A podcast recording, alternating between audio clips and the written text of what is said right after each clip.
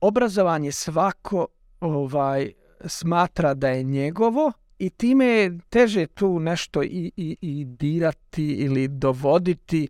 Mediji, ok, ti imaš neki svoj mediji, dođi, ne, ne braniš ni meni, ali obrazovanje, druga stvar, vi možete dovesti neku privatnu instituciju, univerzitet ili ovaj školu.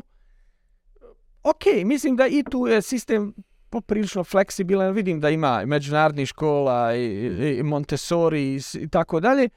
A, međutim, dovesti do promjena, ne možete dovesti do promjena kroz jednu instituciju. Da je najbolja škola na svijetu, dovedite ovdje šta, onda postaće neka elitistička škola, mi moramo mijenjati e, obrazovni sistem u totalu. Dobro večer i dobrodošli u još jedno izdanje Besjeda. Dobro večer, kolega Namir Ibrahimović. I naravno, dobro večer, kolega Nedim Krajišni.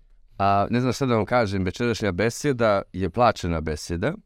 A, dvije, najve, dva, dvije najveće medijske kuće u regionu trenutno, evo prvi put da, da sarađuju, zadovoljstvo nam je ugostiti neću reći konkurenta, jedni drugi tjera. naravno, naravno, u svakom smislu i kvalitetu i sadržaju. Gospodin Edhem Foč, izvršni direktor Al Jazeera Balkans. Hvala vama i čast. što sam ovdje uopšte i trebalo, znam ja, ovaj, plat, to nadam da smo dovoljno platili, ovaj, ako ne bude dovoljno, možemo se dogovarati. Ove si samo o gledanosti. No, ja, dobro, ta, to je ono kao marketinški, one kompanije, kolika je gledanost, onda toliko plate tu reklamu. Dobro, napit ćemo gledanost i to se može ovaj... Sred... U ovo vještački, ali samo neki da, da dušmani vide brojke. Da to je.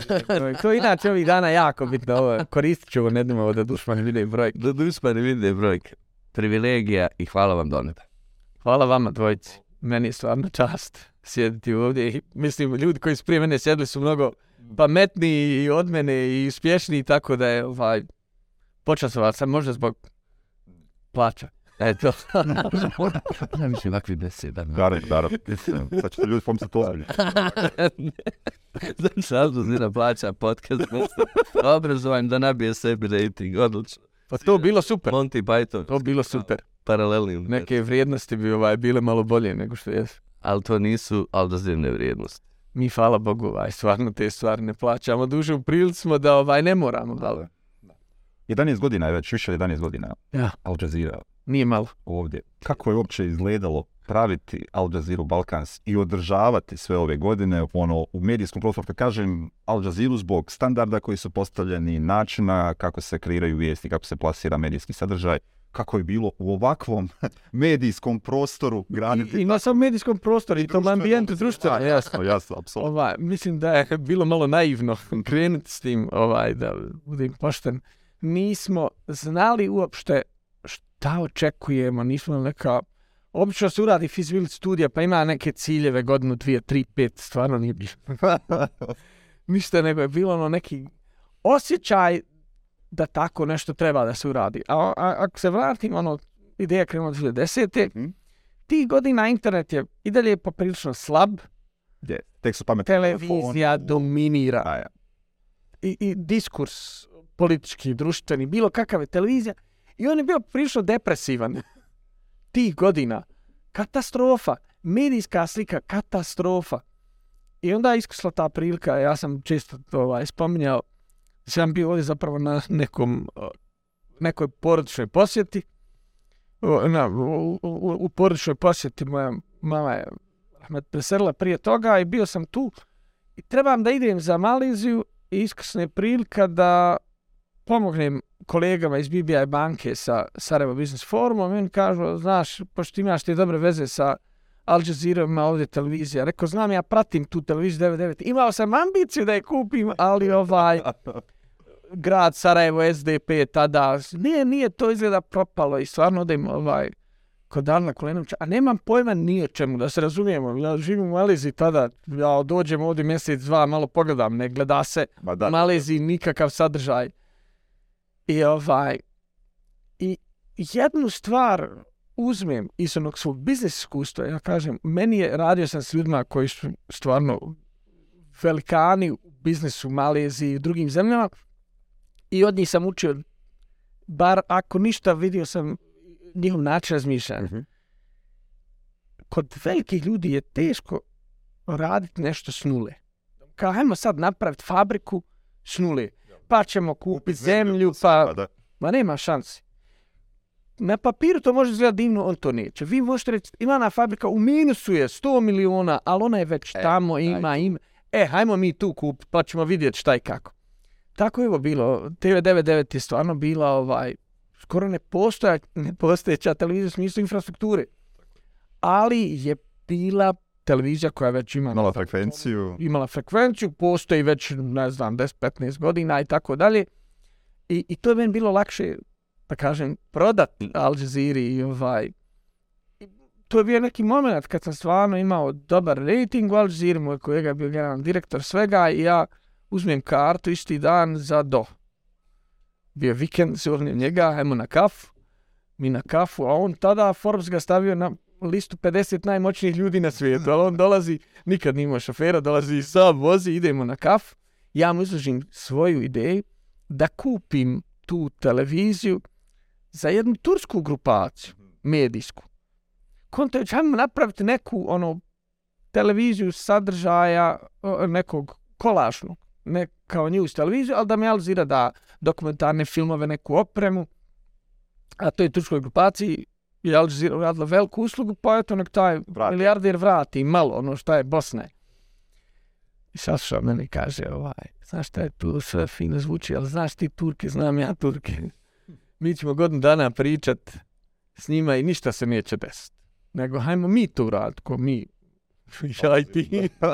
Nije realno, ne, kao Al Jazeera i ovaj, na toj kafi mi shvatimo da bi mogli uraditi, imamo lingua franca o, prostora bivše Jugoslavije, ja napravim priču kako je to bitan prostor, prvi svjetski rat, počeo najveći rat poslije drugog svjetskog rata, dešavanja, ono, pozor nekako svijeta, strateška pozicija, izmislim ja dosta toga, kao to je super, i ovaj, i nekako to u roku od dvije, tri sedmice prođe Sve. da delegacija Alžire dođe ovdje, bude jedan dan, shvati da mogu imati tu investiciju u Bosni, da i neki previše e, regulatornih e, ograničenja.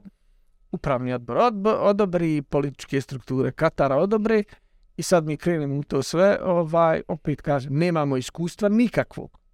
Ja imam nešto malo iskustva u biznisu, nemam blage veze o meni.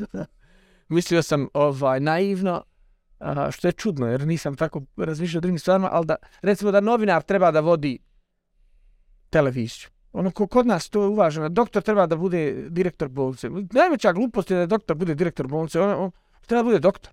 Direktor bolnice treba da bude neki menadžer, isto tako je, ovaj, za druge stvari. I, i tako imali smo nekih, ovaj, Kako nastavnik ne može biti direktor škole.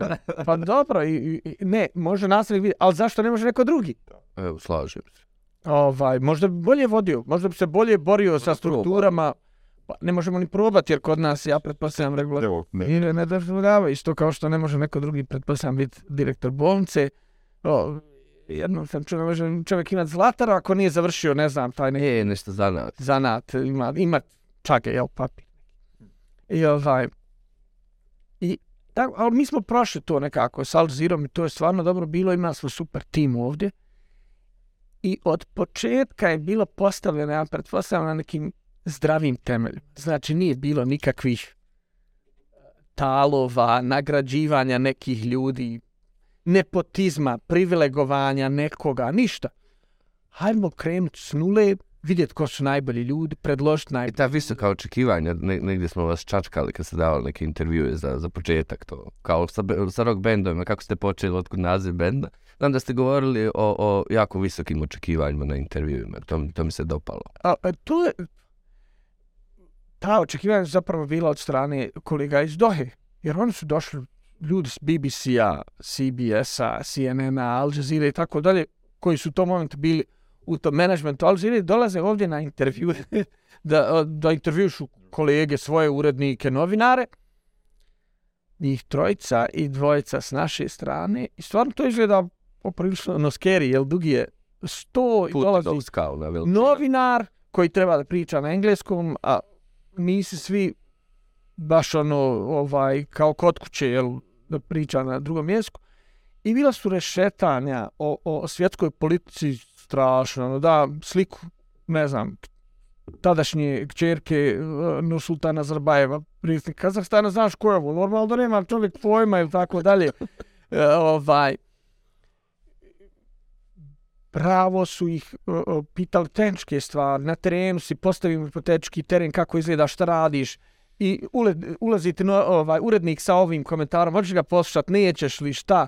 O, bili su, previše su možda očekivali od naših ljudi, ali mi smo u tom prvom naletu dobili stvarno sjajnu E ekipu. pa o tome govorim, jer ta kapacitiranost, pogotovo početna, duhu kapacitiranja različitih ustanova po Bosni i Hercegovini i visoki očekivanja, jer se tvrdilo u jednom tekstu da je to u bit napravilo razliku.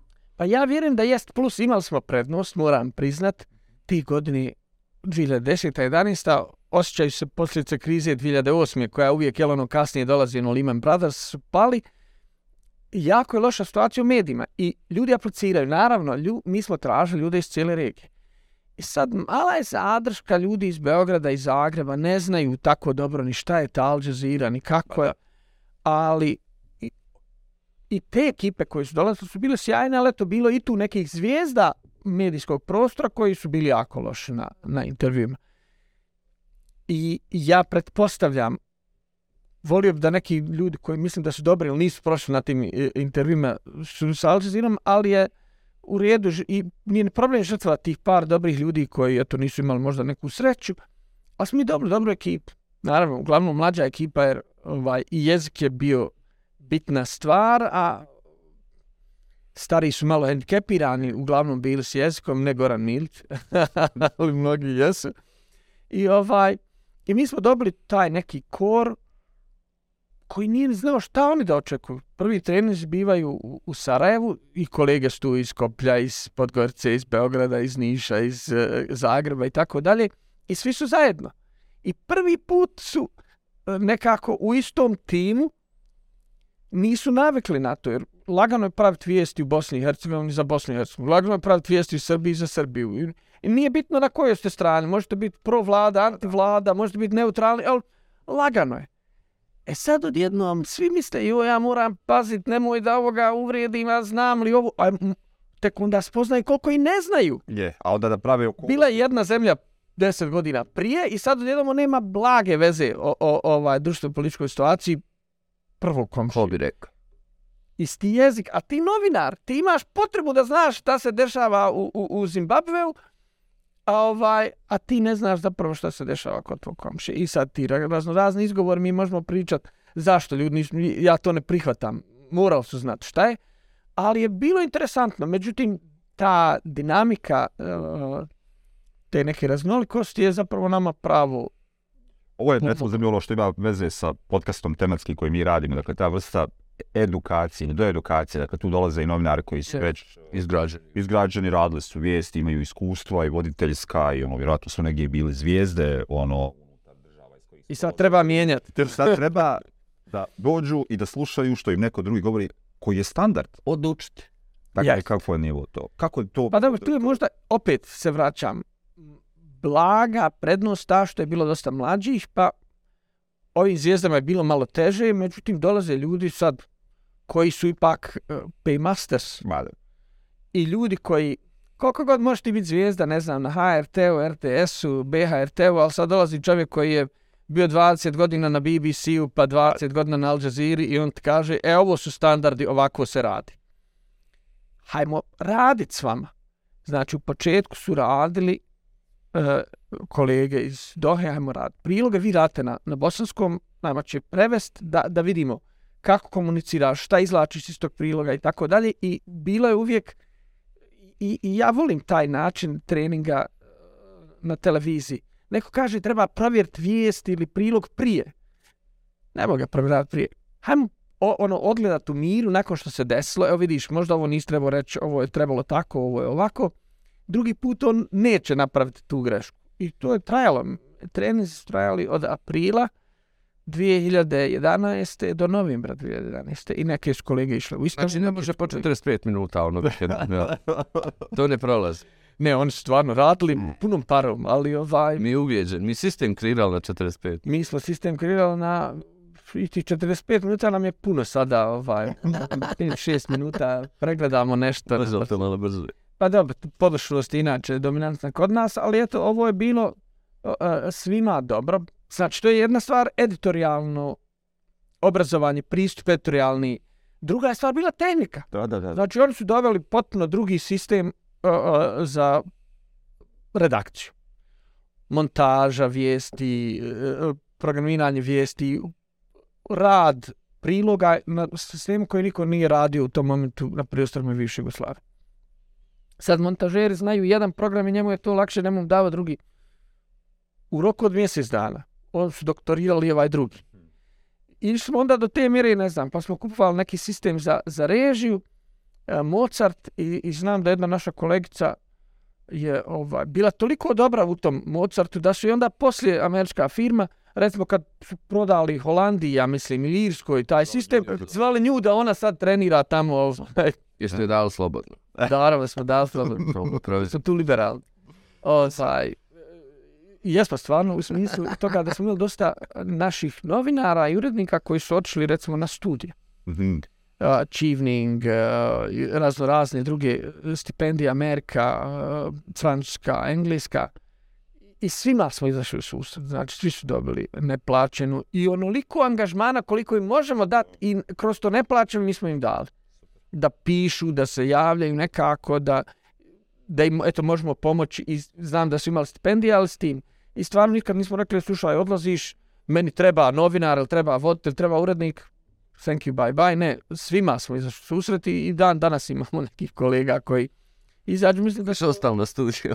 ovaj, pa bilo je kolega koji su možda odlučili da idu u nekom drugom pravcu, ali 90 plus posto se vratilo i, i dan danas su s nama i to, je- znači vi dobijete poboljšan kadar. Kako Kako god. čak ono sad ovo, to je potpuno neka druga kultura rada medija, dakle, u, odnosu ono što je bilo ovdje, dakle, ono u smislu i financijskih uvjeta koje neko za svoj angažman ima Doprinos. i ono... Tad je to bilo šokantno. Yes. Oglas za posao. Znači, ovo je danas malo bolja situacija, ali tad je to bilo šokantno. Je, je. Ne samo da mi plaćamo da prinose, mi, mi imamo i zdravstveno osiguranje za uh, kolege koje rade u. I na to zdravstveno osiguranje mi plaćamo da prinose. Znači, plaćamo zdravstveno osiguranje na privatno zdravstveno osiguranje.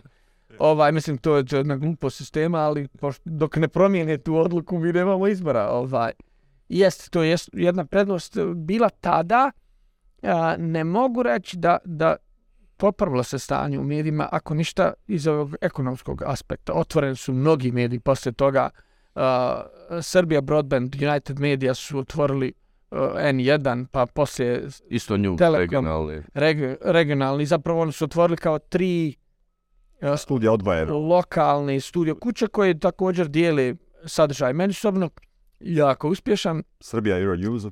Zelo. Telekom Srbije otvorio Euronews, uzeli su licencu, pa su onda uzeli Bloomberg Adria, pa je o, Serbia Broadband e, uzeo Newsmax e, licencu jedne Znači da op- ipak na ovom prostoru ovaj, postoji potreba za regionalnim news.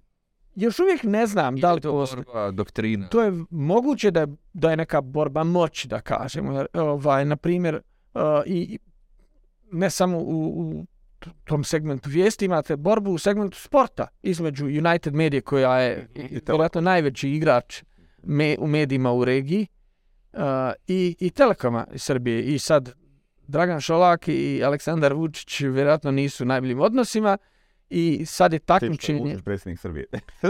Predsjednik Srbije, to je tačno, mislim, i ovaj milijarder, da se razumijemo, ovaj, i, i u tom nekom svako ima potrebu da ima neki medij tu uz sebe, mislim da je, ovaj, vjerojatno Dragan Šolak nešto uspješniji, ali bez obzira, onda imate RTL ili Novu koju je također kupio Šolak, koji ovaj, također dobro stoji. Imate HRT koji možda ima i najveći budžet od svih televizija u regiji. Pa ozbiljno, jest, ovaj, ovaj, ozbiljna televizija. Ima i se gleda, ima i svega, ali imaju još uvijek kao javni servis. stvarno treba dati kredit tamo uh, uh, koje zaslužuje. Oni imaju četiri kanala, imaju sadržaj, vrhunske sadržaje. imaju i imaju Čak sam vidio da neke gledate. Što da ne? Javnost obznani. Sad pitanje, možete ga izbjeći, naravno, imate potpuno pravo. A na kojoj to je dobro. sad ideološkoj ravni je postavljena Al Jazeera za, za, za Balkan? To je ovaj, svima bila misterija u početku. Pošteno nije niko od nas razmišljao o tome, da li ćemo hajmo raditi vijesti onako kako... Mi smo uzeli Al Jazeera English kao neki primjer. Al Jazeera English za razliku od recimo ovih čisto zapadnih medija, BBC-a, CNN-a, oni su previše, i to razumijem, orijentisani ka zapadu. I daju, uh, inf- daju oni informacije, imaju i CNN ima Inside Africa i šta ja znam, ali, ali je sve dato iz perspektive tog Naše nekog zapadnog svijeta. Edinke koja gleda. Tačno. Pa ne znam je li to Bulgar Ja. koja gleda, ali to, je, kreiranje. o, to su oni koji kreiraju. Al Jazeera dolazi sad iz nekog trećeg svijeta sa novinarima i urednicima koji su također sa zapada, uglavnom e, neka ljevica, ali također novinari iz Južne Afrike, iz Kenije, iz Indonezije i, i Indije. I daje drugu dimenziju. Imate mnogo više vijesti o Nigeriji, o Venecueli, o Indiji i tako dalje. I mi smo išli s tom nekom, s tim pristupom, hajmo biti ravnopravni za sve, hajmo pokušati da damo svijet regi, jer mi smo htjeli da, ja znam da je, imate milion tih news kanala, na što tada, stranih, nije bilo lokalnih, znači ljudi su prisiljeni, oni koji ne znaju strane jezike, a dosta je takvih ljudi u regionu i to je normalna stvar, da gledaju samo vijesti na dnevniku, sedam, pola osam kad je bilo i to je to. I to nije loše, ali za one ljude koji su htjeli više, mislili smo evo prilike, hajmo vam dati priliku da gledate međunarodne vijesti, naravno s malo više akcenta na regiju, jer ipak Jasno. pretpostavili smo da bi trebali da znaju oni iz Hrvatske šta se dešava u Crnoj Gori ili ovi iz Srbije šta je u Bosni, a, ali bez neke ideološke pozadne, jer Al Jazeera ima politiku da novinar ne treba da komentariše dešava. Ti ga prenesi gledalcima i nemoj njih podcjenjivati da ti njima sad moraš dodatno tumačiti tu vijest. Pusti nek oni zaključe šta oni hoće da zaključe iz toga i mi se toga poprilično držimo. Pa to je već dovoljno hrabro. I to je ideologija. to je neka vrsta ideologije, slažem se. I Jeste hrabro u smislu da, uh, ono, na početku smo pričali o, o, oko besjeda i, i sad o, o, gigant jedan medijski besjede obrazovanja. Ovo je svijet imena. Besjede, besjede, ne, ne mora. Ne, svijest da imamo da ga platimo reklamu da se vidi ovo. Ne, i sad, o, ovaj, to je jedna niša. Jel? U ovom slučaju, ovaj, pričate o obrazovanju, e sad imate, ne znam, o, nas kao Al Jazeera, koji trebamo prići ljudima malo širim od, od te niše i privući da gledaju informacije o nečemu zašto ne znamo da li postoji tržište. Nismo mi, zato ja kažem, mi nismo, Ispitivali, tražili šta treba. i u tom smislu mi nismo imali, mi prevelika očekivanja od Al Jazeera. Imali smo od ovih zaposlenika, ali nismo od Al Jazeera. Ovaj, nismo znali na čemu, ali bila je po meni potreba da se pruži sad ako neko hoće da sazna, ako ja hoću da saznam nešto o obrazovanju malo dublje, pogledam ovaj, besjede, e sad ako neko hoće da sazna o svijetu malo više, a ne zna jezik, Pogledaj Žazir. Pogledaj Al Jazeera. I, ovaj, I televizija i dalje najlakši medij, da se razumijemo. Lakše je gledati nego čitati. Pa čak i ono, slušati nije loše, ali lako vam ode i koncentracija, ovo je ipak kombinacija slike i zvuka. Yes. Da. Uh, I mi smo ovaj krenuli s tim tada, kažem, situacija je bila poprilično loša u medijskom prostoru, pa popravila se, nije bilo ovaj, da kažem, nije bilo nekih e, previše očekivanja ni s njihove strane, nikak bilo nikakvih instrukcija, to da kažem sad o nekoj dodatnoj ideologiji kao nešto vaši vlasnici iz Dohe, nikad ni za šta.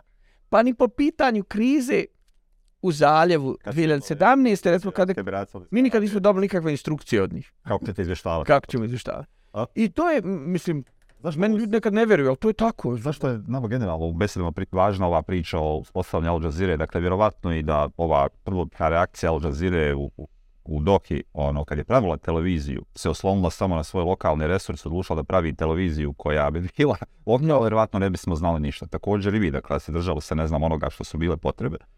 A, ono šta je veza i zapravo kakve veze ima sa obrazovanjem, jeste koliko ta vrsta modela, uspostavljanja, ne znam, nekog potpunog e, drugačijeg medijskog proizvoda, televizijskog u ovom slučaju, koji ima vrlo jasan cilj da drugačiju kulturu izvještavanja napravi, informiše ljude o različitim aspektima, u slučaju recimo to budu vijesti i svijet, da pokrije što je veći prostor, a, ima veze sa uspostavljanjem onoga što je nama važno drugačijeg obrazovanja.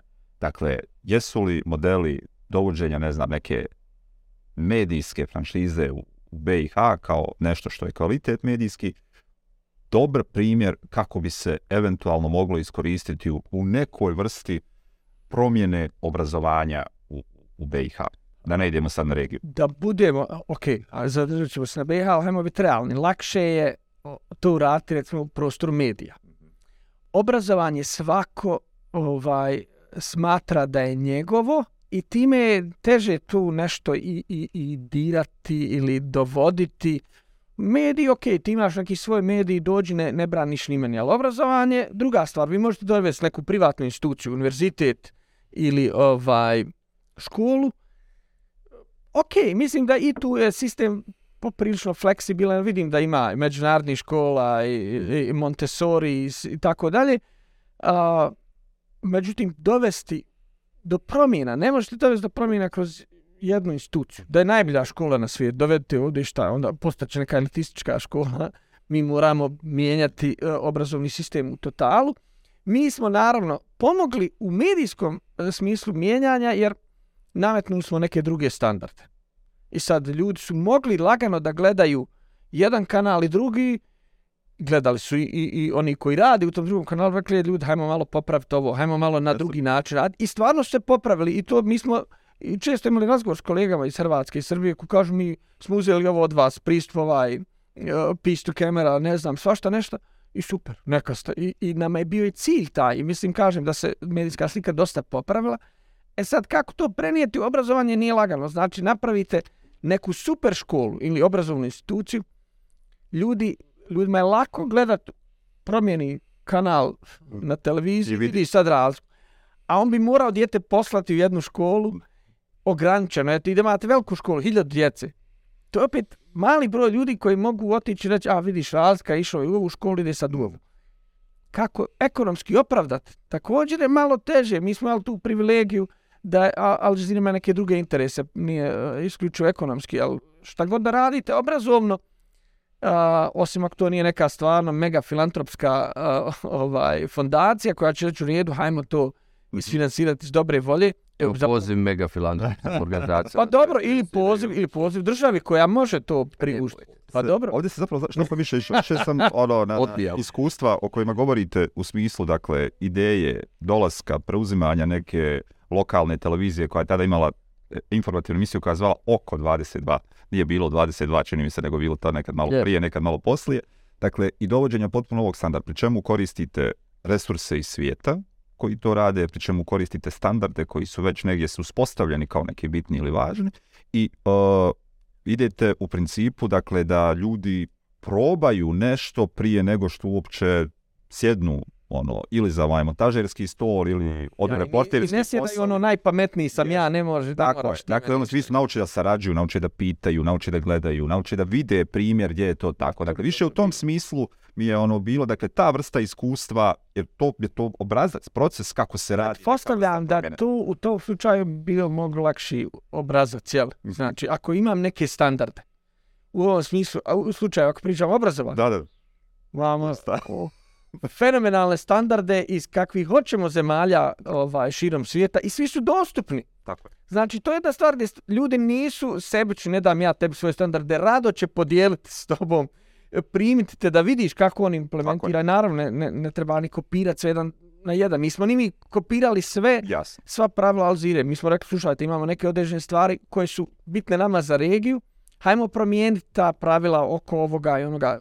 To se dogovor može postići ali oni, o, onaj glavni okvir je ovaj, naravno, uzmete od onoga ako zna bolje. Ne, glupo bilo da je neko ovdje rekao, ja znam bolje od Alžire, ne znaš sigurno.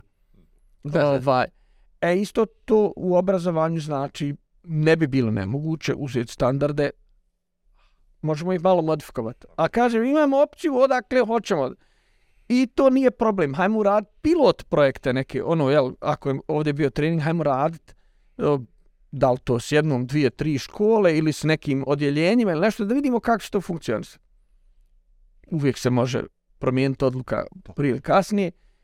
Ja, s, s te strane nisam razmišljao, ali to je možda i dobra paralela. Nije nemoguće u svakom slučaju. Mi mislimo da je poprilično lagano se promijenio medijski prostor, bar u nekom segmentu. Ako ništa te prezentacije vijesti, ovaj, obrazovanje... To traje. I kao što se, a što traje, je vrlo važno, to što vi radite, mijenjate se, dakle niste ustanovili 2011. stvari, e sad će biti ovako od 300 godina. Dok smo mi Čovjek mora biti fleksibilan. Znači u današnjem svijetu prebrzo se stvari mijenjaju. I uh, glupo je, uh, nedavno je bilo razgovora, ne znam, oko informatike, učbenika, prvo teško da treba imati učbenik za informatiku, ali dobro. Ja, neko je to neka, je napisao prije pet godina, to je već zastarjelo. A da ne kažem da je to možda napisan prije 10, 15, tako dalje. Svijet se prebrzo mijenja. Glupo bi bilo, evo mi kod televizija koja se možda i ne mijenja tako brzo kao neki drugi segment, ovaj, da kažemo, nećemo se mi, mi svakodnevno pratimo trendove, prilagođavamo se, mijenjamo stvari, pokušavamo popraviti, poboljšati, primijeniti neke stvari, nekad ne uspije. Može samo to te borbe. A ja kako to gledam, vaše prilagođavanje bi moralo ići u smjeru da vaše vijesti traju koliko? 42 sekunde, koliko su naučno dokazali da je sad smanjen taj fokus? ja, za ovi... Zbajno, sad mi stvarno to interesuje, sve ove moje, moje šale. Jedno je pristati na, na, na, na koncept ove površnosti, koja mislim da nije samo bosko-hercegovačka priča. Nije, nije, nije globalna. Priča. Mislim da, da planet nikad nije bio gluplji. I da, da će biti vrlo teško popraviti to. A, ne vidim da Al Jazeera prestaje da, da počne da skraćuje svoje članke na, na, na pasus, naslov i podnaslov. Ne vidim da vaš dokumentarni program počne da... Ja, tri se, minute. tri minute, a da ne govorimo o tome o čemu pričate. Dakle, vi do, ne, ne pričate o nešto što je populizam, nego donosite drugačije ljudske priče koje... I tako dalje. Uglavnom, da skratim pitanje pristajanja na nešto što svi znamo da je, da je pogrešno, ali vam donosi benefit gledanosti i tako dalje, kao i obrazovanju, populizam ili pitanje kvaliteta na kojem insistirate. Kako je? Mi imamo ovaj taj stav, opredjeljenje i privilegiju da možemo. Mi smo isključivo na strani kvaliteta onoga što mi vjerujemo. Znači, ako pričamo o toj gledanosti, neću se sekirati da li će neku emisiju koja je jako dobra gledat hiljade ljudi ili sto hiljada ljudi. Ili neki tekst koji je dobro napisan, da li će ga pročitati hiljadu ili sto hiljada ljudi. O, mislim da je važnije da je tekst dobar i da je važnije da ga pročitati hiljadu ljudi i shvati ga, nego da ga površno pogleda sto hiljada ljudi i ja dobijem neku statistiku koja zapravo ništa ne znači. I mi tu nećemo praviti kompromise i bilo je komentara, ono, znate vi, pokrivate regiju, a regija zapravo neće da zna jedno od drugim, bolji ovaj model, hajte napravite jednu televiziju ovdje, jednu tamo. Ali mi zapravo od početka hoćemo da suprotstavimo tome.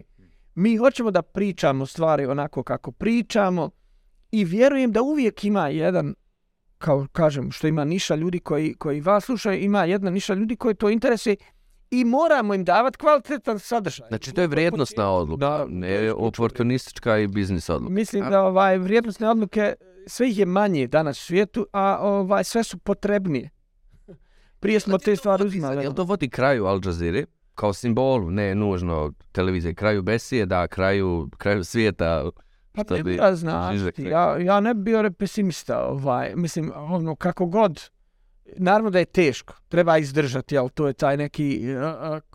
Samo stenzije smo u fazi da izdržimo pa će nam se nešto lijepo desiti ili izdržavamo... Pa treba biti optimista, treba izdržati pa će neš, nešto se lijepo desiti i ja mislim, ono, besede su krenule, ovaj, ono, sjećam stati na Facebooku, sam uglavnom gledao, ali više ko neko eksperimentalno, da li treba, ne treba, kako čak eto nisam u ta doba ni pratio ono taj koncept podcasta. Ono vi ste krenuli, možda su i bili popularni podcasti, znam da su bili oni na na na iPod, ono ta audio podcasti i tako dalje.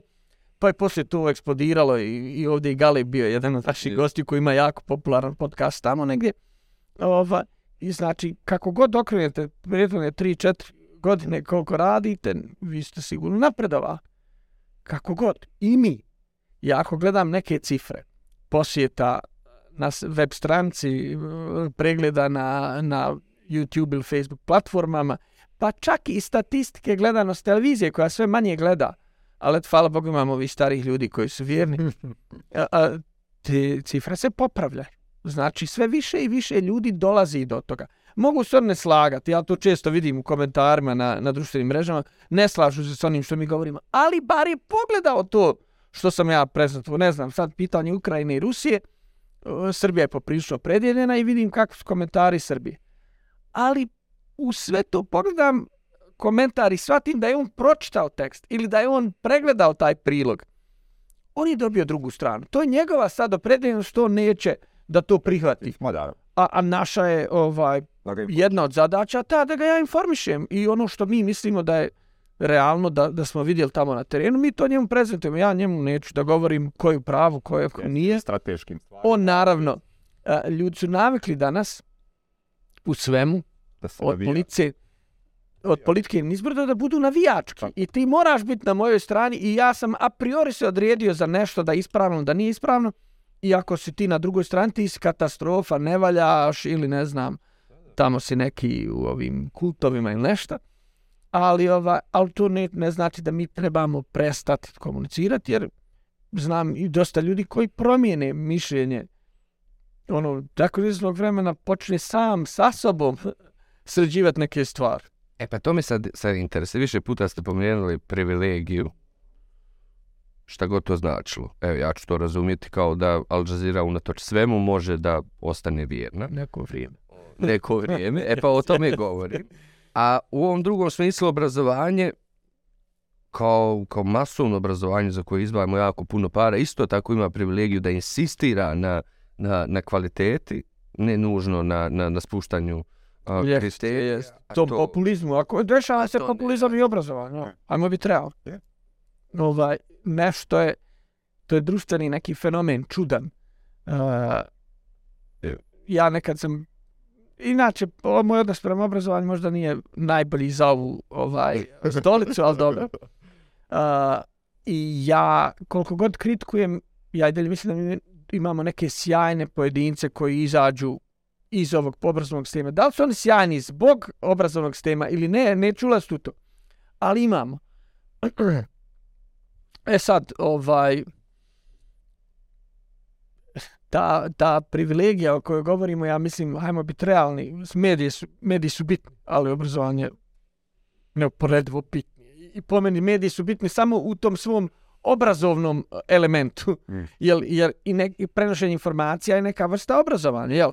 O, da li su to dnevne društveno-političke stvari ili ne, neke stvari kao dokumentarci koje ja volim, koji mislim da imaju poprilično a, a, dobar uticaj na, na proces obrazovanja kod mlađih ili starijih, ne, ne, ne treba podcjenjivati nas, starije, ovaj, a, ne može se porediti, ne mogu se porediti mediji ili važnost medija sa obrazovanjem. Mislim, to, to, to nije ni blizu jedno Jasno. drugom. I mnogo je važnija stvar obrazovanje i to ovo vamo može se i ugasiti. I prije izvesnog vremena nisu postojali mediji, a obrazovanje od uvijek postojalo. I bez toga ne možemo. To je, to je, to je temelj ekstencije našeg društva, a, našeg bilo kojeg drugog. Sad, razlika kažem, ovaj, mislim da i kroz ovo što mi radimo, govorimo ljudima kakva su iskustva drugih, između ostalog i u obrazovanju. A, mislim da koliko je nama lagano doći do tih nekih informacija i obavijesti ljude, toliko trebalo biti lagano i ljudima koji se bave obrazovanjem. Ali e, vi to bolje znate od mene, e, nekako mislim da u sve te privilegije i te ne malo para koje mi trošimo na obrazovanje, naročito u onom kontekstu, jeste, to, to su stvarno ozbiljne pare. Top 20 zemalja. Da, da, ako uzmemo ono po, Odnos novca da, uloženog. da, BDP da nam je i- rezultat poprilično bar iz nekog mog amaterskog ugla loš. jedan je evo, taj nivo a, koji govori ono o sistemu obrazovanja kroz medije, drugi je ono nivo koji ste također radili u nekom periodu je festival dokumentarnog filma. Što će vam to u životu? Hajde što ste pravili televiziju koja je drugačija, ali što i sad festival dokumentarnog filma? Pa, kao i televizija nije došla s nekim studijima i, i, i velikim vizijama, nego je bilo i pošteno čak i do, do, ovaj, do televizije. Volio sam dokumentarne filme, nisam nikad shvatao njihov značaj, ni utjecaj dok nije krenula televizija. I sad onda mi počnemo dobivati prve reakcije e, e 2011. 2012. i ljudi hvale vijesti, to je sve super, ali ono dokumentarci su im bili nešto novo, jer je bilo puno dokumentaraca i drugačiji. I ja shvatim da je to stvarno jedna pozitivna stvar. Svaki dokumentarac, čak i onaj koji priča o nekim strahotama je obrazovan u današnjem svijetu površnosti. Nažalost, mi nemamo vremena za neka istraživanja, čitanja knjiga ili ozbiljnih članaka i onda je to druga ili treća najbolja stvar da se može pogledati Da, forma pola sata, koliko... ta neka o, o, pozornost čovjekova može trajati, to je super. I onda smo, stvarno, ja sam se malo više posvetio dokumentarnim filmom, mi smo sarađivali sa SFF-om, jer i oni imaju segment dokumentarnog filma. Naravno, SFF je ogroman festival, on više od festivala i taj dokumentarni segment se malo izgubi u svemu tome. Utopio se. A, I onda je, mi smo shvatili da ipak treba Sarajevu dati priliku da ima festival dokumentarnog filma i nismo znali na šta ćemo naići. Bili smo i tu poprilično ono, skeptični, da li će neko tijed da dođe u kino da gleda dokumentarni film, da razgovara s autorom i tako dalje. A, međutim, tu smo na moju ne, iznena- ja sam poprilično bio iznenađen. Tu smo pogrešno procijenili. Ljudi dolaze, vole da gledaju. Mi imamo i saradnje sa, sa školama. Projekcije su pune. Dakle, sale su pune prilikom projekcije. To je sjajno. Ljudi hoće da dođu i, i za neke filmove za koje ne radimo ni promociju, ne zovemo nikoga razne teme, Vijetnam, Ukrajina, Kenija ili neke društveno političke stvari iz drugih zemalja, dosta toga iz Evrope, fenomeni neki, ne znam, o, o, o slijepim futbalerima ili o dječaku koji postepeno gubi vid, sad oni i njegova majka odnos prema svijetu, prema njegovom o, o, tom odrastanju i, i djeca to gledaju ili ljudi to gledaju. I kaže stvarno ovaj tu sam bio pozitivno znači imali smo djecu i iz osnovnih škola i srednjih škola koji su dolazili gledali, učestvovali u raspravama sa autorima filma. I mi smo dvije eh, gospođe iz Francuske koje su radile film o sjajnoj eh, ovaj, afganistanskoj doktorici, ja ću prvo doktorica, pa onda futbalerka Nadija Nadim, koja je, mislim, od izbjeglice postala zvijezda Paris Saint-Germaina, prije toga Manchester City, završila je medicinu, doktor je, bavi se time, govori milion jezika. A, I njih dvije su prokazale film, vidjele djece, neki sportista, nisu znali što očekuju puna sala. I onda je poslije toga rasprava bila takva da su oni ono, došli i rekli ko su ovi ljudi, odakle ova djeca dolaze. Znate, mi imamo ovdje ovaj dugogodišnju kulturu. Pa dobro, nismo htjeli da kažemo. filma. Na, volimo da kažemo drugima nešto ovaj, najbolju opet sliku i to je, to je prirodna stvar. Mislim da ovaj naravno u, unutra trebamo biti kritični. I taj dokumentarni festival uspio, mi smo ga sad čak digli na novi neki nivo, dobili smo podršku dodatno iz Dohe. Imamo i sjajne edukacije i imamo sad i pare za razvoj novih filmova. Je, koliko se koje raspisujete za mlade autore, A to je, to je plus, jeste, Kako i ne? sjajni su. Kako nije? Ti, mislim, nekad me stvarno dođem, nemam nikakvih ideja i pročitam te prijedloge mladih autora, studenti uglavnom ili možda ljudi koji su tek završili fakulteta, pišu o stvarima iz regije i daju prijedloge o kojima nikad nisam čuo, nisam razmišljao i tako dalje. Mi svima njima otvaramo vrat, dajemo mogućnost nekad prikažemo te filmove, nekad ne, ali stvarno smo zainteresovani da ih što više uključimo u proces toga. Ako niste, ne moramo biti filmmaker sutra. Naučit će kako da gleda na određene stvari, kako da ih prikazuje i to je super. A svako ovih dana ima mobitel, ima kameru uz sebe. da slidiš sve. snimiti šta hoće. I, I nikad ne znate e, kako će to rezonirati kod određenog uh, gledaoca ili broja gledalaca. Nekad niz čega ti ljudi naprave super priču i, i privuku ljude. Imate ovog momka uh, Robert Darcišin koji rade ove travel uh, vlogs i koji je jako uspešan fiš. I gledaju ga ljudi iz regije, izvan regije. Tako da je dobra stvar. Ja mislim da, da te ljude držimo vezane s nama da imaju neku mogućnost, a nadam se nekad i potrebu, da ispričaju neki sadržaj kroz kakvu hoće formu. I nama, mi tu dajemo šansu ljudima koji hoće da pišu. Mlađi, da, molim te piši, mi ćemo ti platiti taj članak. Možda bude dobar, možda ne bude dobar, sve u redu, ali Prilika. da nekako ih probamo vezati, jer ta površnost, naravno, sigurno će stići i nas, e, a Al Alzira nije površna, pokušavamo da ne budemo površni, i ako će cijeli svijet se opredijeliti ka površnosti, onda mi gubimo. Pokušavamo zadržati, odgojiti ta jedan broj publike naše i čitalanca, Odgojiti, to je dobro. pa dobro, To je dobro. nema možda, to je neki proces, jel? Mi, mi kroz festival odgajamo neku buduću publiku. Kroz, Buduće autore. ili budući autor, što je još bolje. Evo pa da podvučemo ovaj prvi blok o, o Al Jazeera ide sad EPP. Ne, ne, naravno nema ga. Um, do 91. ste bili u Sarajevu, završili ste tu srednju školu. Jesam. A malo obrazovni put vaš. Kažem opet, nisam najbolja osoba za te stvari, ali... Ali je to vaše iskustvo, vaš Moje moje obrazovanje, pa ste posle otišli u Maleziju, završili prazne. Zna, znate kako, ovaj, kažem opet, stari sam od vas obojice i ono, stari ljudi uvijek sve im je bilo... Od mene, si, od mene sigurno, od njega Na, da ste, a, ne dima poprilično. samo ne znam, mlađa.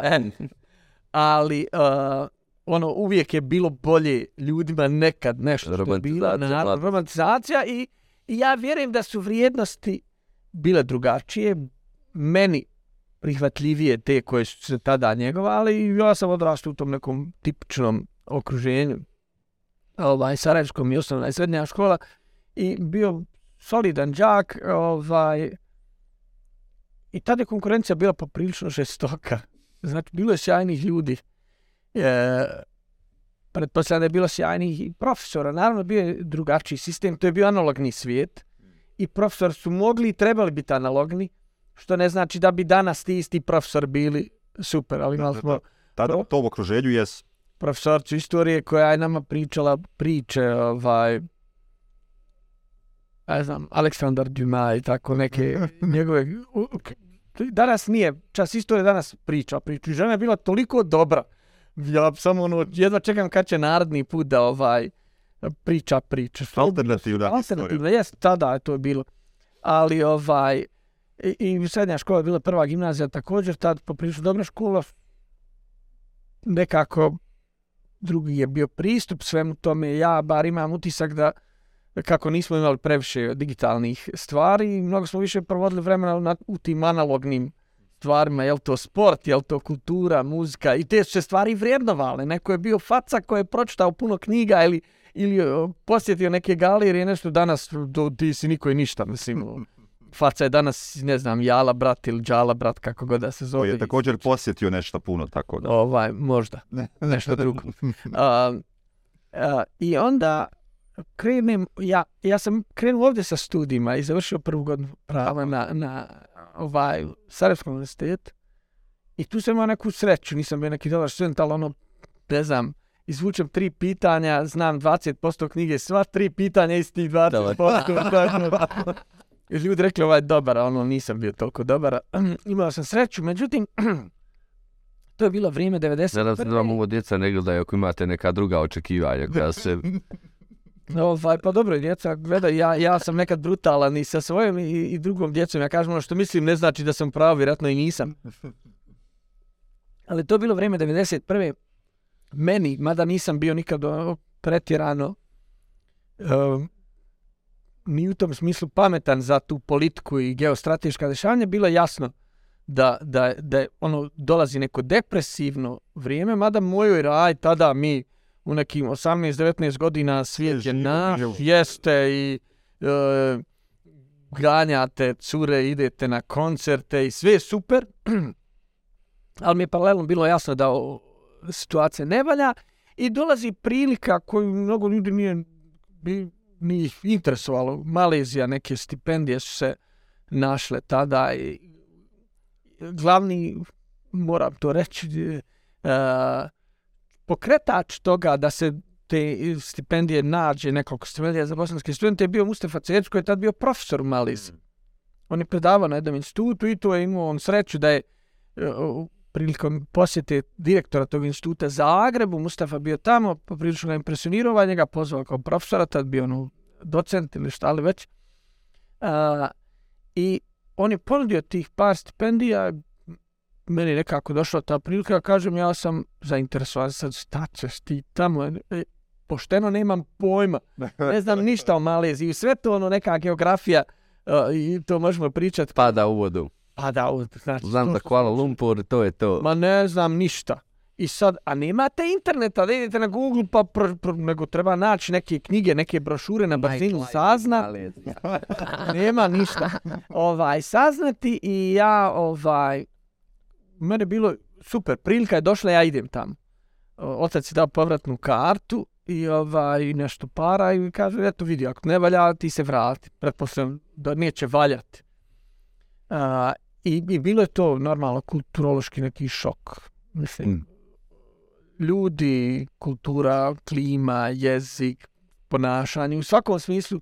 Ali je bilo izazovno i onda nakon mjesec, dva, gdje god da ste, vi počnete prihvatati uh, stvari i, i shvatati iz perspektive ljudi koji žive tu i odmah su vam mnogo bolje interesantni i tako dalje. A Malezija je poprilično živopisna zemlja.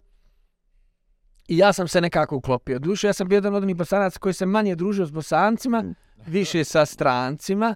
I to je ovaj meni poslije i dobro došlo, mislim zadržao sam taj karakter da kolege su bili iz Afrike, iz Azije, iz od Južne Amerike. Uh, jedno vrijeme sam ono ko bio među liderima tu, tu afričke grupe studenta, nešto sam ih branio, ono, a ja najmanji tamo. Um, I ta Malezija je bila interesantna. Uh, ja sad, kako sam ovdje studirao pravo, nisam ja znao, niti sam imao nekih afiniteta za bilo šta. Ja sam ovdje pravo upisao, nisam znao šta drugo da upišem. Tio sam muziku, nisam bio toliko dobar. Um, tio sam režiju, ali nije bilo prilike. I u Maleziji onda po defaultu nekom, jel, kako sam ovdje, pišem tamo, to je bilo neko ovaj, kombinacija engleskog prava, jer Malezija je Commonwealth zemlja i drži se poprilično ovaj, vjerno engleskog pravnog sistema, ali naravno to je bio međunarodni islamski univerzitet, pa smo imali opciju da studiramo o, o temelje islamskog prava, ovaj, koje je više teoretski, jel nema te, mada ima pa možda porodično pravo i tako dalje nasljedno su i mali izregulsani po uzoru da uzoru na islamsko pravo, ali to je bilo nešto dodatno i to je možda trajalo jedno vrijeme, ja sam bio ono zainteresovan, nisam učio engleski prije, ali tamo sam nekako uspio da položim ta engleski i sad je trebalo čitati to kompleksnu literaturu engleskih sudova e, i njihovih sudija, jel, ono, presedan je jako bitna stvar tamo. Ali nekako sam se brzo uklopio i jedno vrijeme mi to bilo interesantno, poslije nije, došao je rat u Bosni. Meni su neki drugi ovaj interesi. Pa, da kažem, možda uzeli i fokus. I stvarno obrazovanje mi nije bilo bitno. I nekako sam dolazio u situaciju gdje previše sam, ono, gledam profesora, vidim da on ne razumije šta priča, jednosmjerna ovaj, komunikacija. Bilo i onih sjajnih profesora, ali ja ne znam, to stvarno nema nikakvog smisla, a ja nemam afiniteta da budem neki pravnik, neki advokat, kao što ima ljudi, ne znam, otac, mama i onda on stvarno hoće to grize. Tako da sam ja tome površno pristupio, ali iskoristio priliku te tragedije i rata u Bosni da imam priliku da komuniciram s ljudima, da me pozovu e, e, na, na neke konferencije, na neka gostovanja i, i tako da sam ja odšao od Indonezije do Južne Afrike.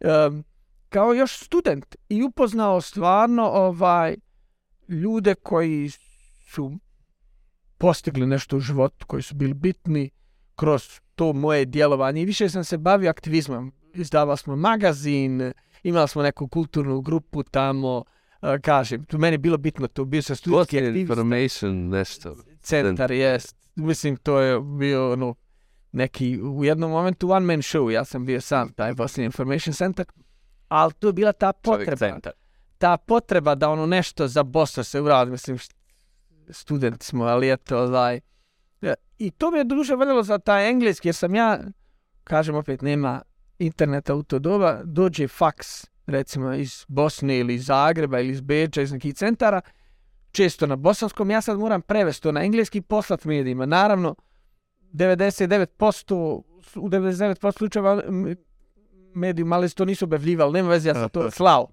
I, i prevodio stvar na svijetu, i pisao i nekad prepisivao, dođe loše, pa ga ja ponovo moram prepisati, to vam stvarno pomogne pri pisanju. I onda kažem, poslije toga sam i uređivao taj uh, uh, magazin, sjećam se da jedan broj, ja mislim da sam ja napisao skoro sve članke, koristio sam neke pseudonime, razne, ovaj, pa sam onda, kad nisam bio u prilici da angažujem nekoga, ja radio layout i to je bio onaj... Slaganje, one. Jest. Mislim, to je bio cirkus, ali to imam, mislim da možda kod mene kući, kod u roditeljskoj kući ima još uvijek ovaj, ti neki magazini, kod nekih još kolega koji su bili aktivni tada i imaju i oni. Ali je to mene više ispunjavalo nego obrazovanje. Obrazovanje stvarno nisam pridavao neku pažnju. Volio sam se družiti s profesorima, ali samo to, ja sam poslije toga shvatio, imao sam jednu situaciju, na, na, ne znam, petoj godini prava su e, e, građanska procedura i krivična procedura. I ja to ništa nisam shvatio. Imao sam super profesor, on su bivše sudije i to vrhovnog suda, sjajni ljudi. A možda godinu, dvije iza toga sam bio prilici da pokrenem i građansku i krivičnu parnicu protiv jedne osobe, nešto sad vezano za biznis, Dajte detalje, dajte. ne bih. I ja u možda četiri, pet sastanaka s mojim advokatima potpuno savladam tu proceduru koju sam ja učio godinu dana i ništa mi nije bilo jasno. I onda stvarno, mislim, sam shvatio da možda ono obrazovanje kakvo jeste teoretski e, bazirano nije za mene. Ja te stvari možda malo sporije kopčam e, i, i o toj geografiji. Ja sad znam sve o svakom dijelu e, svijeta, a nisam znao kad sam to učio u školi. Uh, kasno mi dođe. ili, Pa ne znam, ili, ili drugačije prezentiraju. pa moguće, ali eto kažem, meni nikad... Ili je stvar interesovanja. Ja pretpostavljam da je stvar interesovanja i kad neko ima interes za nešto, Onda mu ide, samo je onda lako. mu ide. A ja možda nije me ništa interesovalo što je bilo formalno obrazovanje tada i nije meni moglo nešto ići. E koliko je takve djece? Ja mislim da je većina takve djece. Ono, Ljudi se dan, ono, nemaju priliku da znaju nešto drugo i onda nemaju izbora. Ide u školu, mora naštrebat, naučiti na pamet nešto što ne razumije. Ja vidim da ne razumije, ali on mora to naučiti na pamet da bi, da bi prihvatio njegov profesor, ovaj, nastavnik, učitelj, nije bitno tu, ovaj, definiciju da bi on dobio dobru ocjenu. Jer opet te ocjene su, ta va, neka valorizacija znanja je problematična Je. ali je problematična. Ja kažem, ono, krenem od sebe, ne mogu biti objektivan po pitanju dva čovjeka koja mi dođu. Moram, ono, čovjek sam ima simpatije prema neču, nekome, ovoga nešto ne volim. I teško je, možda i kod dvojice, može biti objektivan, ali kod dvije stotine, dvije hiljade, dvadeset hiljada, koliko već prođe djece kroz profesorske, teško. A taj neko nosi tu ocjenu na svojim leđima, eventualno neku traumu, neke komplekse zbog toga. I to je meni uvijek bilo problematično. I ja ovaj, jedno vrijeme nisam nikako išao na univerzitet. Nešto sam ja sebi stavio, da ja ono, ne Bojkot moram da idem. A, a tamo je, morate imati 80% Prisustva. da biste mogli izaći na finalni. I onda ja tako kroz ove svoje dobre odnose sa nekim profesorima, bivšim dekanom, prodekanom, odem pa izmolim nekako da me puste. Ali sve više sam ono nekako shvatao Samo da završimo ovo. bilo, ja, i to je bilo besmisleno. I onda ovaj, ja nikad to nisam ni završio. I onda bila je situacija sad kako je, mali se moglo to, ono, prebacite neki predmet s prve godine u drugu. Iz, uh, uh, ta isti ne morate završiti, završite drugu, prebacite ga i u treću. Iz, I da danas imate onaj... ja, ja sad sam, nemam pojma koji su, mada je ne, moja supruga rekla dajte mi onaj njegov transkript i jedan kolega to donio iz Malezije. I sad ja sam to kao zadnja godina ta i to traje i traje i talja. A ja već sam počeo s nekim biznisom i sa tim nekim aktivnostima. I meni je ovo stvarno nebitno. I plus taj prodekan koji mene stvarno stalno štitio i puštao me da izađe, on nije tu. I onda se ja sam nekako u tišini prestao da idem. Promijeni se rektor, dođe jedan drugi rektor. Ovaj, Koji vas izbaci iz pa fakulteta. ne, on, on mene onda se ovne, kažem, ma, evo mi odvjećam, ono, izbačen s fakulteta, ali daj, vrati se, ovo je ostalo ti nešto malo. Ja kažem, profesor, ja već tada imam Mercedes i nemam... Još mi diploma treba, šta ću? Nije mi ovaj u interesu, tako da ja kažem, nisam nikad um, bio neki role model i mojim roditeljima je to smetalo, moj otac je radio na mašinskom fakultetu i ovaj, pa dobro, to je glupost, neka zvršća, kažem, nije mi, nije mi ovaj, nisam shvatao point, moram shvatiti zašto, isto kao ti neki predmeti, ja slušam ga i vidim da nema nikakve svrhe tom predmetu i zašto će mene neko motivirati, kaže moraš imati čak. Imao sam čak i tu jednom situaciju, pričao sam je nedavno, uh, ja nisam položio vozački u Malici. Jednom sam izašao na one testove i nisam to položio i mrskom vilu postao. I ja sam pao prvi put test. I tre, ali treba mi vozačka, ja sad ono, hoću da vozim Maliz, imam i auto i sve. I radio sam biznis sa Sudanom, prodavao sam neki namještaj tamo i neki kolege su mi rekli, "E, tamo ti Sudan lagano završiti tu vozačku. Jednom prilikom ja bio tamo, poslije imam kolege koji su viši policajci. ja sad njima kažem, Sam nadam se da policajci ovo ne slušaju. ja rekao, treba mi, treba mi vozačka dozvola. Kaže, nema nikakvih problema, hajde, evo. Ne, uradimo neki ljekarski pregled koji je bio presmiješan u onim, mislim, barakama gdje nije ni poda, nego je ona zemlja i trava i stavljeno oni neki zidovi kao ljekarski pregled. Sada ja dolazim da, da položim vozački o, na jednom stadionu, naravno u Sudanu nema vode, naravno ima u nekim dijelima, ali u Hartum je sve prašina i to je zemljani neki stadion i tu je baraka neka policijska i ti dođeš sa svojim autom. Ja sad dolazim sa autom od kolege, to je neka Toyota Prado, ovaj, ali nije mogla da upali iz prve. Ja dolazim s tim autom i kažem, ovaj, kažu čovjek, hajde da napravi jedan krug da vidimo kako voziš oko ovaj, stadiona. Ja kažem, dobro, ovim policajcima morate me pogurati. da ja iz druge krenem. I krenem ja iz druge, zav- završavam ja krug, on mene susljava, kaže, ti upalio, ti, ti krenuo iz druge, ma ti si položio. To je- I sad ja imam tu dozvolu, ok, ona je prihvaćena i sve, međutim meni se ukradu neki dokumenti u Maleziji, nestane i ta dozvola. Ali sad ne poda me napove da ja prekinem voziti auto i vozim ja godinama i Da, da, snalazim, ne idem ja ni u Sudan, snalazim se ja na, na, na malajskom jeziku kažem policajcima neke ono patetične stvari, on mene puste ako nekad prekršim nešto. I jednom on dolazi jedan veliki biznismen iz Turske koji je ovaj bio meni kao neki i patron i svašta, intelektualac, svjetski, govori milion jezika. I on dolazi sa suprugom i ja idem po njega. Tako, ja sam u tom fancy autu, sve, ja idem njega, vodim ga za hotel. U hotel i on mene ruži oko univerziteta, kaže, slušaj, daj mi će to da završiš taj univerzitet. Ja znam da čovjek je našeg porijekla, zna naš, da ono to ništa ne znači, ali to su čage, znaš, moraš imati to, to ti isto ko vozačka dozvola. Ti možeš voziti ko Mike Schumer, ali ako nemaš vozačku dozvolu, ne možeš voziti auto. U tom momentu ja idem autoputem 150, da se kažem, njemu gospodine, Ali ne, ja nemam vozačku dozvolu. Znači nije nemoguće, ali eto, ovaj, imao sam vjerojatno nekih sretnih okolnosti, neću ja reći svojoj djeci da ne završavaju, ali neću im reći da moraju po svaku cijenu, jer kao to je neka društvena norma, ne interesuje. to sad, kako izgleda, Dobro, kako izgleda obrazovanje BiH kroz djecu, kao roditelju? moja su djeca mala, jedno je sad u nastavnoj, Kako, jes, ima sad na veću predmetnu nastavu, ima nastavnike i razrednicu. Druga je, dru, drugo djete je kod učiteljice. I mi smo zadovoljni sa učiteljicom ili sa nastavnicama određenim, ili sa razrednicom da kažem. Znači, ono, taj dio je dobar i mislim da je tu ono, mi smo i birali, čuli smo za dobru učiteljicu, hajmo probati E, to, da djecu pišemo kod te dobre mnogi. učiteljice. Kao i mnogi, ali hajmo biti realni, većina nema tu šansu.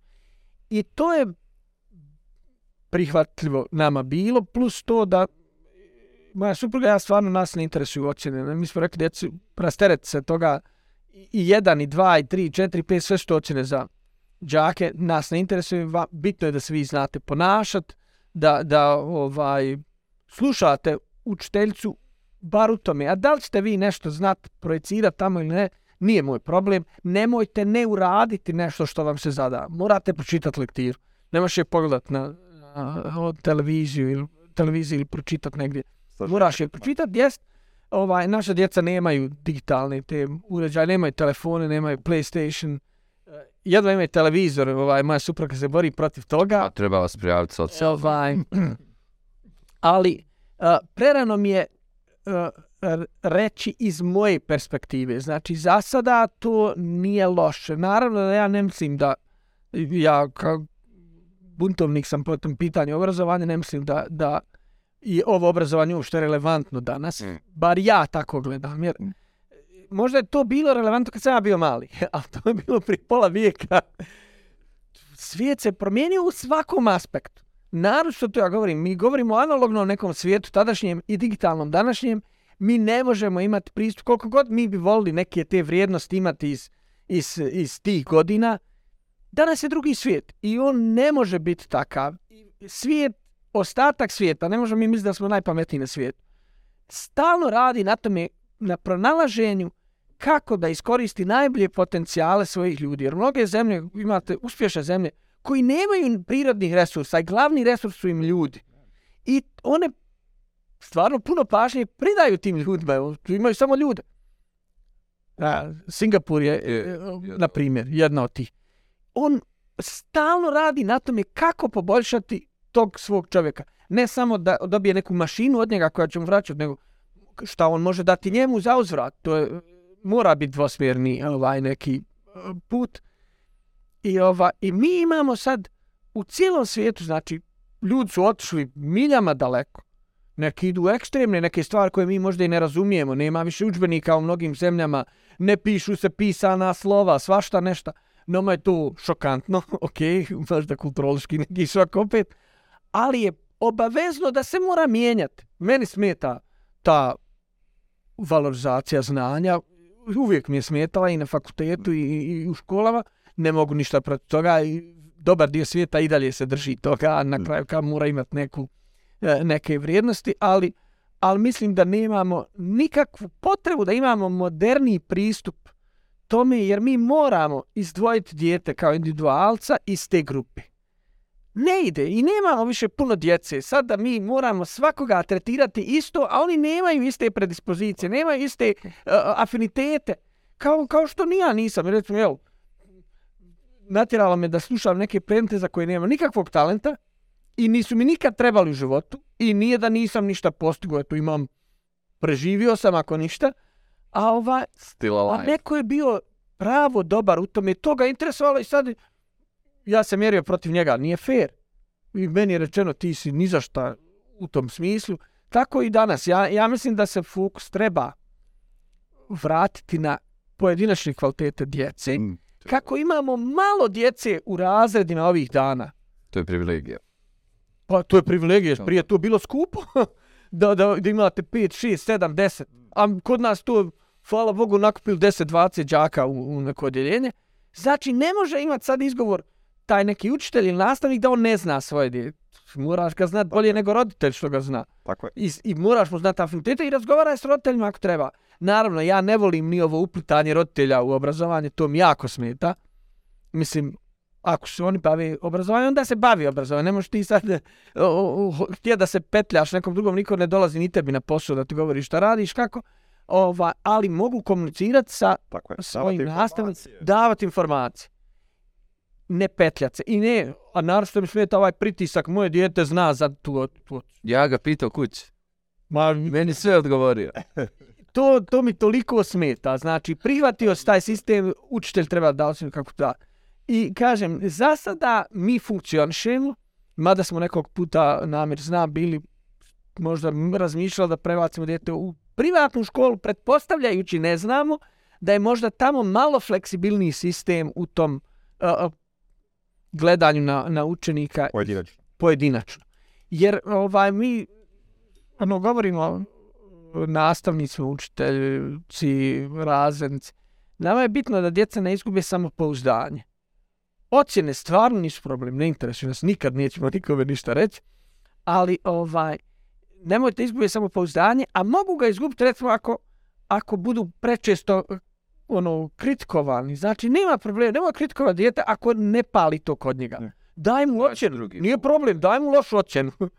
ali, ali, Traži se drugo rješenje. jasne, kritika zna ono nekoga Bavi povući, se djetetom. A- Pa nađi mu onda jer, jer smo, šta radi. mislim, edukatori su odabrali taj poziv. Ja znam da je to težak poziv, ali ti si ga odabrao.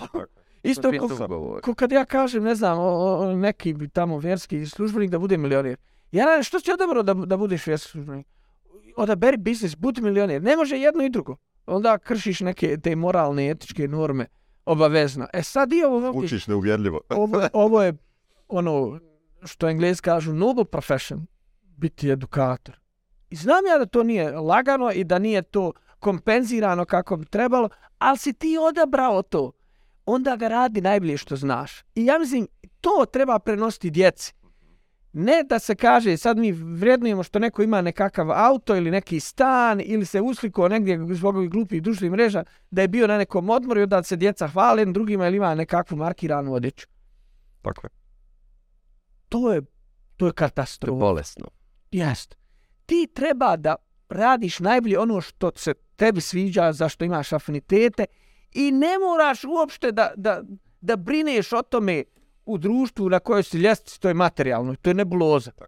Ali to mogli, naravno, roditelji su tu odgovorni, jer ako i roditelj hoće da se pokaže, neminovno će E. dijete to prenijeti, on će kupovati djeci markiranu odjeću, kupit će mu telefon, skupi i tako dalje, ali poslije djece, poslije roditelja su najodgovorniji ti učitelji, nastavnici, profesori, koji su u prilici da te vrijednosti probaju malo popraviti, a mogu svojim primjerom. Ja vjerujem ovi nastavnici koji dobijaju nagrade kod vas, vi svaka vama čast tu stvarno, ovo da se nagrađuju inovativni nastavnici, to je, to je sjajna stvar, kreativni, oni, vi, vidite da su ti ljudi stvarno zaljubljeni u svoju profesiju.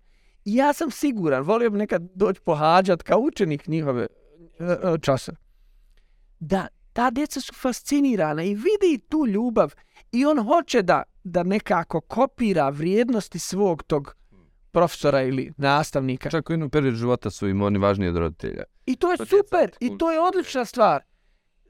I te bi nekako, ja bi volio da imamo takvu, takav pristup, da te, taj na, nastavnik bude uzor mom djetetu, ne moram ja, jer vrlo je vjerojatno da je nastavnik ima bolje kvalitete. Da ja budem Pa dobro, pa i to je okej.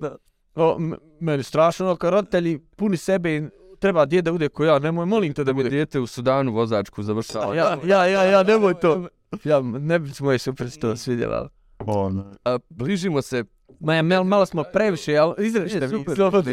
Sve živo izrešte. evo mi, kao medijska kuća kapaciteta za To je sljedeće godine je obećao da će naučiti rezat.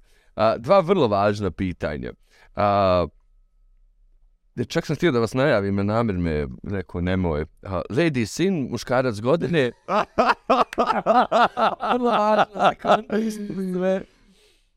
Um, pa, Šalim se, ne morate nikako. ja mislim inače te stvari su dobre za onaj neku sliku kompanije koju ja predstavljam. I to nije to je onaj PR klasični. Meni je drago u smislu tom da to je ženski magazin da ja stvarno a to nije onaj neki kliše ja se divim ženama. Od moje supruge nispredo. Mislim da ono su mnogo sposobnije, mnogo više stvari završavaju, mnogo teže stvari rade od muškaraca. To je ono tipično, jel, na 37,2 temperaturu muškarac pada u nesvijest i tako dalje. E, e, I onda to pokušavam projecirati kod nas. Kolegice koje rade sa mnom bolje rade posao od mene. Od, Vode mnogo tih procesa na rukovodećim pozicijama i mi pokušavamo i kod filmova dokumentarnih. Neki od najboljih filmova su radile žene. Mi svake godine imamo najmanje pola članova žirija da su žene i, i filmovi autorice, a ne, ne tražimo mi daj mi ženske, nego daj mi najbolje i ispadnu stvarno to Tako. najbolji film koji su radile te žene. I onda je ovo eto bilo simpatično priznanje jednog ženskog magazina, ovaj ja kažem u tom nekom mom shvatanju šta je muškarac godine, ja sam zadnji, vjerojatno u tomu. A, ovaj, ali dobro, ne, nećemo to. Nisam ja glas. Imamo ovo jedno super zadnje pitanje. Dakle, ono što vas zaista evo sad, kao što je ta ekipa za tim velikim stolom novinara sa različitih svjetskih medija, kad su imali razgovore sa budućim poslanicima Al Jazeera Balkans, dakle, strogu kritiku tražimo za besjede. Dakle, šta mi da ovdje popravimo, šta sve više Nedim treba da uradi. ono Treba Nedima smijeniti. Ako E, mislite a znam- dva voditelja viška, zašto je Nedim višak? Možete se preplatiti, možete ugasiti besjede ili, ili zamijeniti voditelja i to možete. To je 50 eura. Dobro, do, mo, morat ću potičan da onaj svoj doprinos na Patreonu, da imam i taj. Može. Pravo glasa. Ovaj, a teško je reći. e, Besjede su stvarno, ovaj, to je format podcasta u kojem ste vi pravo dobri. I jedan ste od pionira, ovaj, bar ovdje u Bosni i Hercegovini, to je, kažem, vrijednost medija, a besede ću smatrat komedije, jer jeste medij, je to trajanje. Kad medij traje dugo, znači da ima neki ono rezon detar, ima razlog zašto postoji ono na koga gleda. A, po prirodi stvari, podcast se emituje na društvenim mrežama. U slučaju naše teritorije ovdje, Facebook i YouTube, gdje ste prisutni, su najbolji uh, mediji. Tako što se tiče distribucije, ja vama ne mogu ništa reći, to radite dobro. Druge sad stvari, to iću neke finese, uh, uh, uh, Google Search Optimization i tako dalje, ne, ne, ne idem u to. Dobro, to stoji, ja mislim da cifre idu sve bolje i bolje. Naravno, koga hoćete privučete, to je, to je druga stvar. Vi imate svoju nišu, publika je dobra i, i, i gosti su dobri, mnogo bolji od mene, naravno za, za ove teme. A, meni se sviđa i kad dođu mlađi gosti, ovaj, ili kad oni eh, među sobom razgovaraju. Naravno, to još uvijek nema neku prođu kod te njihove generacije, što ne znači da treba prestati. Ja znam, trebalo probat naći eh, format kako doći i do tog segmenta. Da li da vas dvojica spustite malo ljestvicu, ne znam. Da li da nešto promijenite, ovaj, tu ne možete nikako saznat iz teorijskog dijela. Ako ne probam. Tu se mora probati. To isto ko je Asija a, a, Namirova, da joj neko sad objašnjava kako da svira klavir teoriji. Ma možeš ti njoj nacrtati sve note, objasniti akorde, e, sedmine, ovo, ništa. Dok joj ne odsviraš, pokažeš, nije će biti jasno. Vi trebate probati. Ako vas interesuje ta, a mislim da da bi bilo sjajno, jer ima stvarno djece koji su izuzetni i možda su lideri u svojoj toj nekoj grupi, kad bi neke od njih privukli, to bi definitivno imalo naj neki ripple efekt na ove ostali. Kako prići, tome ne znam, ali ono, znam da ima, druga gimnazija, na primjer, ima sekciju, medijsku sekciju gdje ima preko 60 ljudi. Imaju studio. Hoće da pravi radio za, za svoju školu i tako dalje. Znači, ako svaka škola ima po 20-30, samo u kantonu Sarajevo imate velik, velik publiku, a da ne kažem šire, dobra je stvar to što su besede ipak regionalnog karaktera, imate Mm. goste iz regije, Hrvoje Klasić bio sjajan, ja njega volim pravo, sarađujemo s njim. Ovaj, imate goste iz regije ja, a, i imate sigurne gledaoce i slušaoce iz regije. Znači, to je ogromna publika koju bi trebalo to, možda da, ko što mi pokušamo da odgajamo ovu publiku za dokumentarno, da vi probate odgajati te neke buduće slušaoce, gledaoce, kroz tu neku interakciju s njima. Da li otići na njihov teren, da li ih dovoditi ovamo, promijeniti malo format. Meni je bio super onaj uvod. Ja volim ovaj... Prvo, svi vole opušten način. Jer inače kad se upali da je sad ovdje neka velika kamera. Upali se kamera i ja odmah vodim računa. Ne, ne, ja volim. Ja, kažem, kad čovjek gleda u kameru, onda on je ono previše svjestan samog sebe, bira riječi, suh je i tako dalje. Djeca nemaju još uvijek taj kompleks, treba to probati iskoristiti. Meni su, kažem, interesantni kad god dođu. Bio je na jedan gdje su oni ono milion stvari razgovarali. Malo su ko stari, možda srednja škola. Nedavno je bilo, troje, ja mislim. Je, Jest, srednja ne školaca. školaca. Jest. I ovaj, i to je, kažem, ne mora ni proći da ona ima sad tu neku statistiku sjajnu. Hajmo probat, pa onda možda napraviti neki ono podcast sa publikom. Da, da, da. su, ne znam, u nekoj školi dođu i djeca i slušaju svoje kolege, sad to njima je interesantno i ovima je interesantno da impresioniraju, da oni impresioniraju svoju raju, a i ovim, wow, i on onaj tamo priča kako god, ono, vas dvojica ste ipak za, za studente jedna klasa iznad i bit će im interesantno i kažem, možda će ih privući da i oni hoće da participiraju, da gledaju ili će reći, roditelj me pogledaj, gostovo je taj i taj. A, super. I ti roditelji su bitni. Mislim, kaže, ne mora on Dobro, gledat da. svake besede, ali neko gleda poneki. Tako da po meni ja ne bi mijenjao format. Format je super, opšteno. Uh, distribucija, kažem, to je ima je dobar, bravo, i dobra vam je ovaj... Ima drugo. Ne, ali to je dobar pristup i bilo bi stvarno šteta da, da se to pusti, jer, kažem, ne znam, ima nekih podcasta vaših po 20, 10, 15, 20 hiljada, 25 hiljada. 25 hiljada, pa u- da danas neko, neki top intelektualac objavi knjigu i pročita 10 hiljada ljudi, pa on bi bio najveći na svijetu. Ha, O, m, i govorimo o, o našem ovdje okruženju. Tako da je to poprilično dobar doseg koji imate. Ja ne puno mijenjao, osim tog možda pokušaja konstantnog prilaska Mladi. Ne, mladi. bez namjera. Ov, bez namjera, pa dobro, bez namjera ili bez tebe, to vidjet ćemo na Patreonu. Ko više koga. To ti je kad 50 eura. Jes, jes, jes, jes. Da možeš smijeniti fotelja. Ete me do neba vam hvala. Hvala puno. Hvala vama dvojici, ovo je meni bila čast, izvinjavam se, malo smo možda predugo, ovaj. Ne, ne ide emisija poslije ovoga. Ja, ne ide, dobro, ne moram. Imamo termin, ništa, ne ide, dakle, mi imamo... Meni je drago da- da se ova Daj, saradnja među dva medijska giganta nastavi. Jeste, jeste, naravno, ali na ravnopravnim Ete. nekim. hvala. Mnogo, Ed. Hvala za gledanje, hvala Imeru, hvala mom drugu Nedimu Krajišniku. Vidimo se. Ljudi, vidimo se, čao.